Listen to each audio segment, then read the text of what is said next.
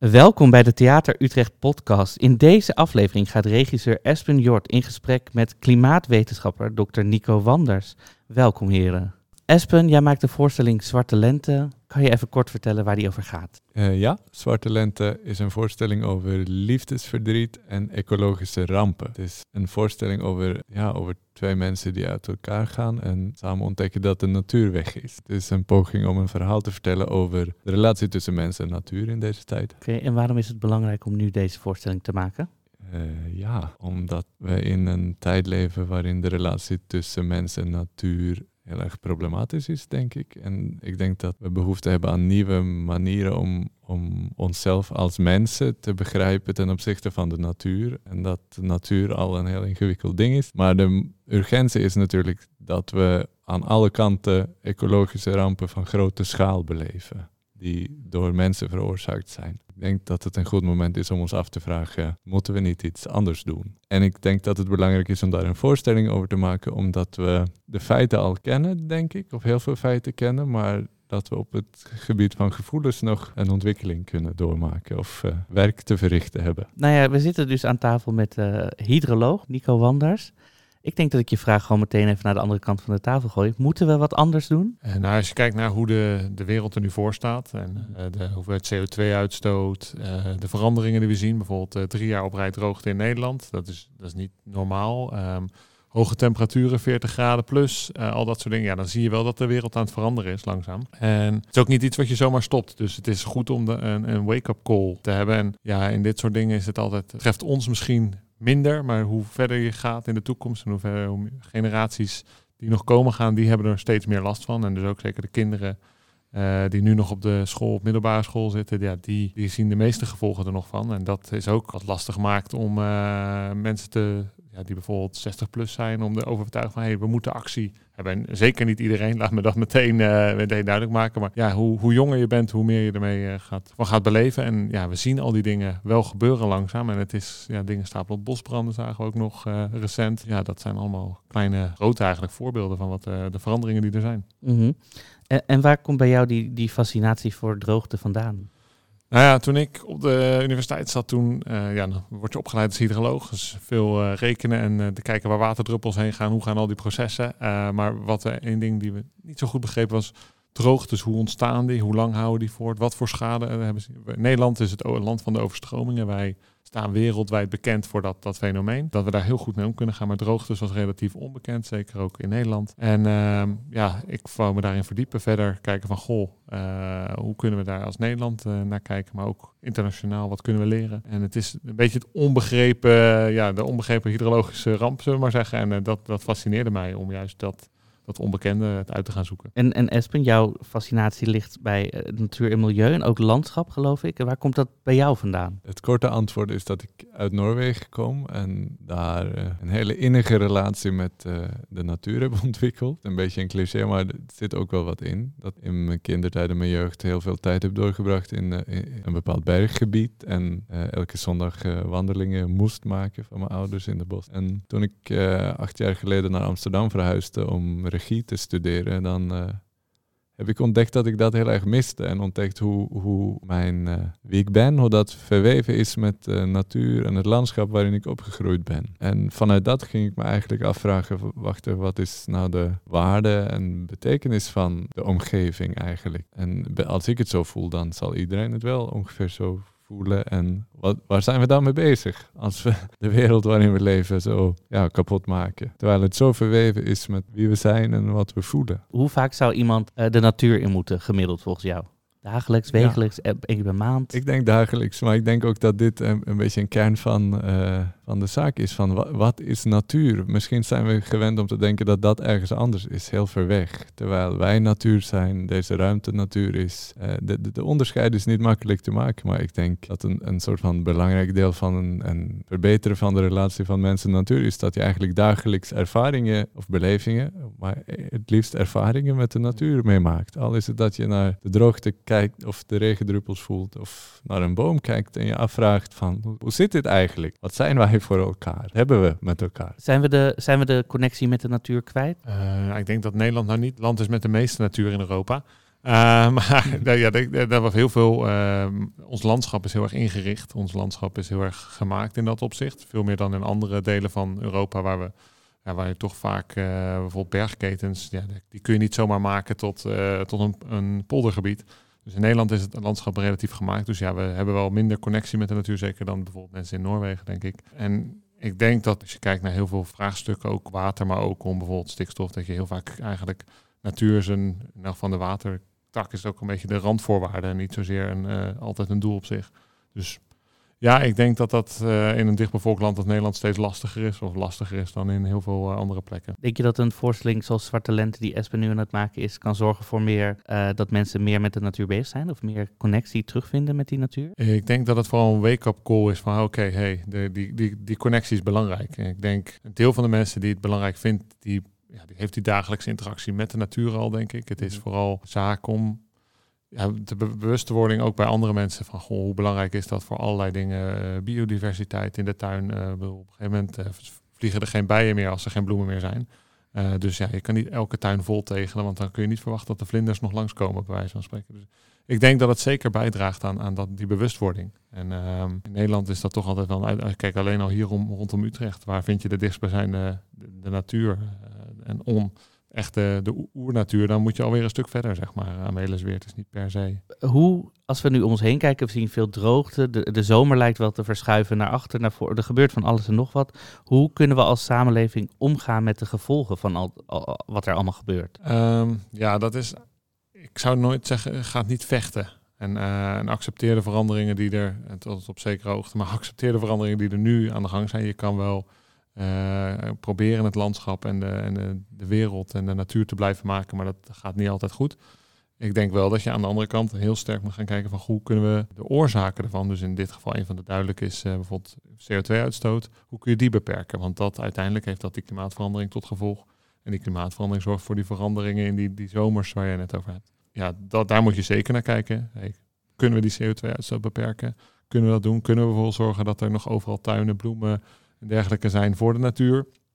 maar aan de andere kant moet je ja, dingen die in gang gezet zijn, zoals zeker de grotere weereffecten en de hydrologische effecten, ja, daar kun je met uh, geen dijk tegenop. Uh, en je kan wel natuurlijk, als je kijkt naar biodiversiteit, kun je wel niches creëren waar eh, dieren nog kunnen overleven. maar ja, dat is meer oplossingen zoeken voor een bestaand probleem dan het probleem aanpakken. En ik denk dat je ook het probleem vooral moet aanpakken. Espen, ben je het daarmee eens? Of, uh... ja, ik denk ook, of een uitgangspunt voor zwarte lente, waar ik ook in, wel ook in, ik denk dat dat de enige manier is, is dat uh, de accident already happened, zou je kunnen zeggen. Uh, elke keer dat we een krantartikel lezen over als we ons nu niet aanpassen, dan gaat het over drie jaar fout of over tien jaar. Dat is waanbeeld, denk ik. Ik denk dat we, of een beschermingsmechanisme misschien, maar we moeten inderdaad vrede hebben met dat er heel veel veranderingen al in, gang zijn gezet. En alsnog moeten we de grote problemen bij de wortel proberen aan te pakken. Maar de vechten tegen dingen die al in beweging zijn, ik denk niet dat dat de weg is. Rotsmeltende ijskappen draaien niet in één keer om in, in, in één jaar, zeg maar. Dat gaan, dat gaan nog honderd jaar of meer duren. Uh, ja. Laat ook recent onderzoek zien. En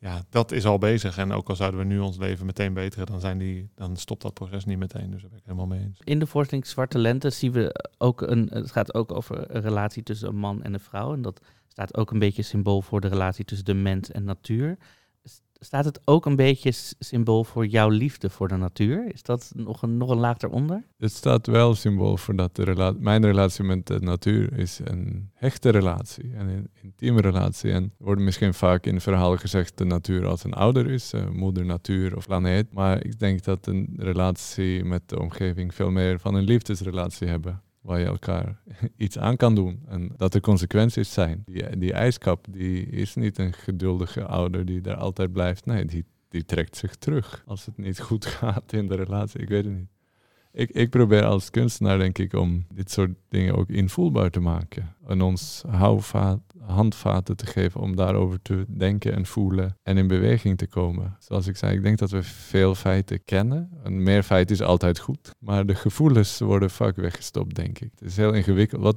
wat moet je voelen bij de droogte drie zomers lang? En wie schuld is het? Het is heel ingewikkeld. Zeker, ja. Ik ja, ik ben een, toch een redelijk technische wetenschapper. Dus dan is toch, kom je toch al van kijk je van goh, hoe, uh, ja, hoe ontstaat het en wat kunnen we eraan doen en uh, wat zijn de gevolgen, hoe vaak kan het voorkomen nu in de toekomst? Wat zijn de oplossingen en waar zijn de schades die ontstaan? Maar ja, de gevoelens erbij is inderdaad als je kijkt naar de natuur die schade heeft, bijvoorbeeld de heide die dan een aantal jaren of die doodgaat en een aantal jaar nodig heeft om weer te herstellen. Ja, daar lopen mensen die, die verwachten een paars heideveld. Ja, dat, dat is er dan, dan niet. En daar dat soort gevoelens worden zelden gedocumenteerd. En zeker niet uh, als wetenschappers, maar we, ja, wel media en dergelijke. Maar ja, dat is uh, iets wat iedereen zelf denk ik een eigen beleving bij heeft. En uh, dat is lastig te omschrijven. je hebt een goede poging gedaan, denk ik, qua in het, in het stuk.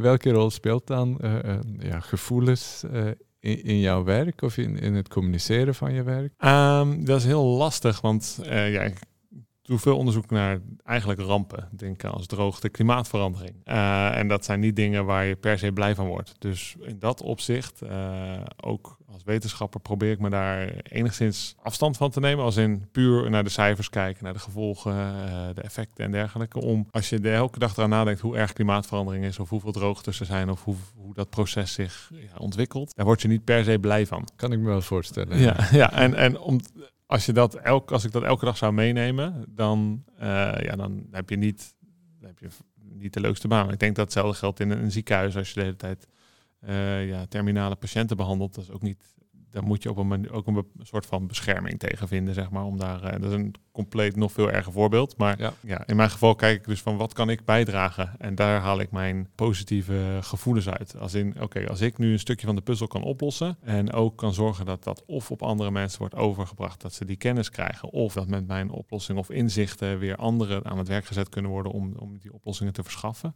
ja, dan denk ik dat ik een stukje positiviteit heb bijgedragen daaraan. En op dat vlak probeer ik ja, mijn, mijn gevoel daar uh, niet te kijken naar de negatieve aspecten ervan. Want ja, het is negatief. Uh, ja, het is heel verschrikkelijk wat er gebeurt. Uh, maar te kijken naar, goh, welke positieve invloed kan ik daarop hebben en hoe kan ik bijdragen aan een mogelijke betere toekomst in dat? Het klinkt heel erg leuk om, om rampen te onderzoeken eigenlijk. Nou ja, maar er zit, het een hele dubbele kant aan. Als je kijkt naar extreme droogtes in Afrika, ja, daar gaat het om mensenlevens en hongersnood. En, uh, en dan met ons onderzoek proberen te kijken, kunnen we dat soort droogtes beter voorspellen? Ja, en uiteindelijk ga ik niet die mensen redden. Dat is, dat is een zekerheid op dit moment. Maar wat ik wel kan, als ik betere voorspellingen kan leveren, kunnen dan anderen daar, uh, die, die wel die kwaliteit hebben om dat te doen. uiteindelijk blijft het een ramp. Het blijft altijd vervelend, maar ja, je kijkt toch naar de positieve aspecten. Wat kunnen we, ik bedoel, we hebben het nu over natuur, maar ook boeren bijvoorbeeld gaan failliet als er zo'n droogte is. Nou ja, dat blijft. Maar hoe kunnen wij dan bijvoorbeeld iemand helpen om daar minder last van te hebben of dat heel Nederland daar in zekere zin beter uitkomt? En nou, bijvoorbeeld, ik weet niet of dat klopt, maar ik las in het NRC bijvoorbeeld dat uh, een van de redenen dat de grondwater, dat, dat de droogte is in Nederland, is dat het grondwater laag wordt gehouden voor de boeren of zo. Maar wat denk je dan als je zo'n probleem ziet en ziet dat wij het ook veroorzaken op een of andere manier? Dan kan je wel hier dweilen, maar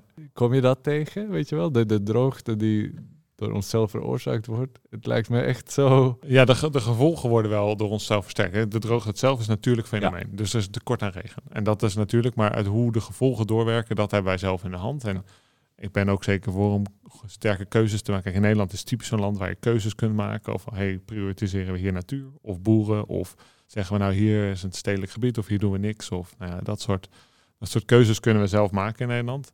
In het buitenland is het een ander verhaal, want daar is het, uh, is het vaker, daar heb je minder opties. Wij hebben heel veel opties in Nederland. En dat is een luxe positie in dat opzicht, uh, denk ik. Kijk, als je teruggaat naar zo'n Afrikaans land, is daar een watertekort. Ja, er zijn al in grote delen weinig grote rivieren. Wij hebben een Rijn en een Maas die onze kant op komen. Nou, gratis water van, de, van, de buiten, van het buitenland uit. En uh, ja, dus het is eigenlijk een luxe positie. Als ik jullie zo hoor praten, doen jullie niet eigenlijk bijna hetzelfde. Jullie doen allebei onderzoek naar klimaatproblemen op je eigen manier. Bij jou resulteert dat in cijfers en, en rapporten. En daarmee probeer je awareness te creëren en daar gaan andere mensen wat mee doen. En in jou resulteert het in een voorstelling om meer awareness te creëren en daar gaan hopelijk mensen wat mee doen. Doen jullie niet eigenlijk een beetje hetzelfde, maar dan eigenlijk anders? Of zie ik dat verkeerd? Ik denk dat er grote overlap zit in zekere zin. En het is alleen hoe je de, uh, um, hoe je de boodschap brengt. Ik denk dat daar het grootste verschil zit. Ik bedoel, uh, als ik een rapport of een dan zit er geen theater vol met mensen die kijken. Uh, dus en uh, dat is ook denk ik aan welk, uh, over het algemeen aan welk publiek laat je het zien. ik denk maar bij jou komen de Utrechtenaren en mensen uit de omgeving komen kijken. En als ik praat dan is het vaker met mensen die bij het waterschap werken of, of dat soort dingen. Dus dat is net een ander doelgroep, maar ik denk dat in dat opzicht er hele grote overeenkomsten zitten. De taken van een wetenschapper is ook deels om die soms droge, saaie materie om te zetten in iets, nou, ook naar iedereen te vertellen. Hoe, hoe zit het nu? En iedereen te voorzien van de feiten. En mensen mogen dan zelf grotendeels hun mening vormen. Want uh, dat is niet aan mij. Ik geef de feiten. Ik geef van oké, dit gebeurt er. Dit is CO2, klimaatverandering, droogtes. Uiteindelijk is het aan mensen zelf dan om, de om er zelf een mening over te vormen. Maar dan geven wij ze de, de, het gereedschap om dat te doen. En dat vind ik heel leuk om te doen. Is, werkt dat eigenlijk ook zo bij jouw theatervoorstelling? Dat je eigenlijk mensen de tools geeft en dat ze daar zelf dan iets van mogen maken? Ik hoop het, ja. Wat hoop je dat mensen van deze voorstelling gaan maken? Ik hoop iets. Uh, ik hoop mensen aan te spreken op uh, hun gevoelens. Voor, niet alleen voor de natuur. Want ik, ik hoop een ruimte te maken waarin mensen uh, kunnen voelen dat uh, klimaatverandering, ecologische rampen, dat dat iets met hun doet. Dat dat niet alleen, en, en, en, dat niet alleen weggestopt moet worden, maar dat we met z'n allen eigenlijk in een hele grote break-up-achtige proces zitten, die we aandacht moeten geven. Uh, en daar, daarnaast moeten we naar jouw website gaan en naar de droogtemonitor kijken, wat ik echt heel erg spannend vond, toch? Ja, maar daarnaast, daar, we, dan, want ik denk dat als we ook moeilijke gevoelens of negatieve gevoelens van rouw, als we dat aanvaarden, dan kunnen we ook makkelijker naar de feiten kijken. Denk ik. ik denk dat als, als feiten negatieve gevoelens geven, dan is het heel moeilijk om, om daar iets mee te doen. Dus ik probeer uh, een soort zachtheid te brengen in mijn publiek, zodat we met nieuwe ogen deze uitdaging aan kunnen. En terwijl wij misschien bang, voor sommige dingen moeten we misschien echt bang zijn, maar het gaat ons niet helpen als we heel erg bang zijn. Nee, ik denk dat je gezonde angst is goed in dat opzicht. Maar uh, dat je ook, althans dat probeer ik altijd wel met een positief blik te kijken van goh, wat kunnen we er dan aan doen? Want als je inderdaad uh, depressief gaat zitten bang zijn, dan komen we er ook niet van, oh het gaat allemaal gebeuren en we kunnen er niks meer aan doen. Nee, sommige dingen zijn inderdaad te laat. Uh, maar dan kunnen we in elk geval proberen te voorkomen dat de andere dingen die nog te gebeuren staan, dat die niet ook nog gaan gebeuren. dus dat we niet altijd doorgaan op de weg die zijn ingeslagen, maar juist een ander pad nemen om te zorgen dat die, dan ook, die dingen dan niet gebeuren. En ja, van sommige dingen moet je afscheid nemen. Uh, of in elk geval, de, in mijn geval, er zullen meer droogtes zijn. Uh, er zal meer problematiek daaromheen zijn. Maar misschien kunnen we zorgen dat het niet twee keer zo erg, maar anderhalf keer zo erg wordt, bij wijze van. Nou ja, the writer knows not, not what he knows is een bekende uitspraak in de geesteswetenschap. En dat betekent dat een kunstwerk meer informatie in zich draagt dan dat de kunstenaar uh, bewust voor heeft gekozen. Um, zijn er nog dingen tijdens de repetities die jij tegen bent gekomen in je eigen tekst dat je dacht, oh, dat heb ik er niet zo ingestopt, maar dat komt er nu wel uit? Uh, ja, één ding moet ik aan denken.